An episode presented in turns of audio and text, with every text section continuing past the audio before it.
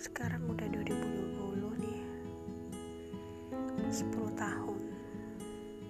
Di mana kenangan-kenangan masih tersimpan dalam ingatan.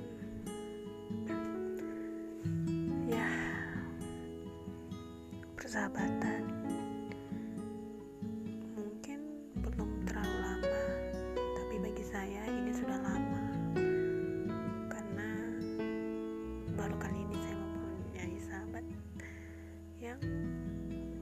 Sudah 10 tahun selalu menemani saya.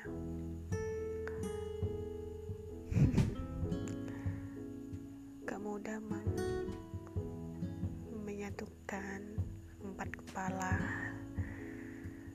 dengan satu ide itu gak mudah.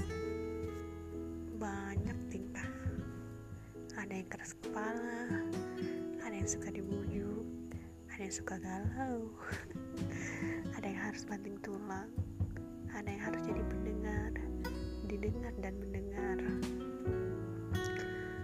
Ada yang harus mengalah. Ada saja kesalahpahaman yang terjadi. Perdebatan pastinya.